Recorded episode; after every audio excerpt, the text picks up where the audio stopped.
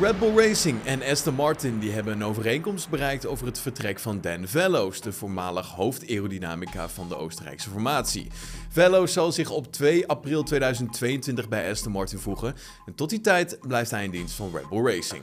Fellows voegde zich in 2006 bij Red Bull Racing als teamleider van de aerodynamica afdeling. Hij werd vervolgens in 2014 gepromoveerd tot Head of Aerodynamics. Nou, in deze functie hielp hij het team door het hybride tijdperk van de Formule 1 heen. Afgelopen maand maakte Red Bull Racing bekend dat Fellows werd aangesteld als de nieuwe technisch directeur van Aston Martin.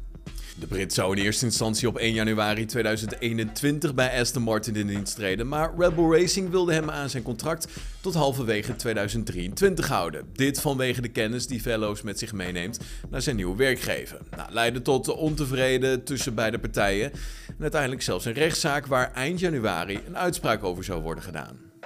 Ja, dat lijkt echter niet meer nodig, want men is toch tot een overeenkomst gekomen. Fellows mag op 2 april 2022 in dienst treden bij Aston Martin. Teambaas Christian Horner die zei het volgende. We willen Dan graag bedanken voor zijn vele jaren van excellent werk en we wensen hem het beste in de toekomst. Gaan we door naar Ferrari, want die heeft heimwee om weer mee te kunnen doen om de knikkers. Om dat te kunnen realiseren heeft de Italiaanse grootmacht zich versterkt met een aantal knappe koppen van Red Bull Racing en Mercedes. Zo meldt het Italiaanse La Gazzetta dello Sport. Ferrari was in 2018 voor het laatst in de uitdagen voor de constructeurstitel. Destijds werd er goed ingespeeld op een aantal reglementswijzigingen uit 2017. Nou, dat kunstje wil men nu opnieuw gaan herhalen. Een nieuw tijdperk in de sport is aanstaande en dwingt de teams om vanaf een blanco veld te beginnen met ontwikkeling voor de 2022 wagen. Volgens de krant blijft de ruggengraat van het team hetzelfde qua personeel, maar er zijn wel een aantal versterkingen in huis gehaald. Aan versterkingen geen gebrek. Ingenieurs van Red Bull en ook van Mercedes. Om zo zicht te hebben op het werk dat in andere teams wordt gedaan om hun sterke en zwakke punten te begrijpen.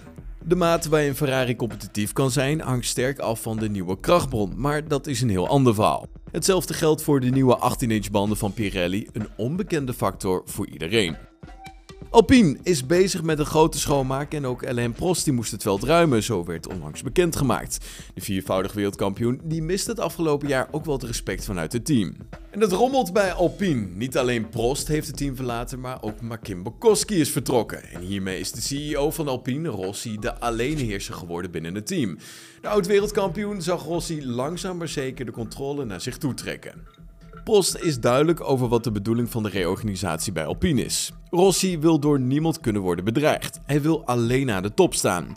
Hij gaf aan dat hij mijn advies ook niet meer nodig had. De Fransman had aan het eind van het afgelopen seizoen nog een optie om bij te tekenen, maar zag daar geen hel in. Prost die beschrijft hoe het soms was tijdens een raceweekend. De teambaas had zelf geen plezier meer, want hij begroette me niet eens als we op het circuit aankwamen. De conclusie voor Prost is dan ook duidelijk: er was geen respect meer en dan kun je er ook niet meer werken waarschijnlijk gaat ook het volgende gebeuren, want de bij Aston Martin vertrokken Omar Zafnauer, die lijkt op weg naar het Franse team. En daarnaast lijkt het er ook op dat BWT zich voegt bij Alpine. En laat Zafnauer nu net een goede relatie hebben met de roze sponsor, want in het verleden was het bedrijf namelijk ook hoofdsponsor van Force India en Racing Point. En Cyril Abiteboul is een van de kandidaten om Red Bull Powertrains te gaan leiden, zo meldt de Italiaanse tak van motorsport.com. Abiteboul bekleedde lange tijd de rol van teambaas bij Renault, maar moest eind 2020 vertrekken toen de formatie werd omgedoopt tot Alpine. Hij ging aan de slag bij Mechachrome, dat motoren levert aan de Formule 2 en de Formule 3, en nu wordt hij dus geopperd als mogelijke hoofdverantwoordelijke voor Red Bull Powertrains. En dat is het project van Red Bull in Milton Keynes, waarbij de komende jaren een eigen krachtbron ontwikkeld moet gaan worden. Ja, het is een opvallend gerucht, omdat, nou, misschien wel kijkers van Drive to Survive, die hebben ook wel meegemaakt dat Arbitable en Christian Horner, de teambaas van Rebel Racing, een turbulent verleden hebben. De Oostenrijkse formatie reed van 2007 tot eind 2018 met Renault-motoren, maar in de laatste jaren van de samenwerking ja, kende deze toch best wel veel problemen. En dat leidde regelmatig tot verhitte discussies tussen Horner en Abiteboul. Maar de twee die lijken de strijdbel echter te hebben begraven. De Fransman was namelijk tijdens de Grand Prix van Abu Dhabi aanwezig in de garage van Red Bull Racing. Gevraagd naar de stroeve relatie, zei Abiteboul het volgende. Ik heb veel samengewerkt met Red Bull. Mensen herinneren zich onze tegenstellingen, maar ik heb ook veel respect voor ze. Dat wil ik ook absoluut zeggen, want soms was dat wat Renault miste.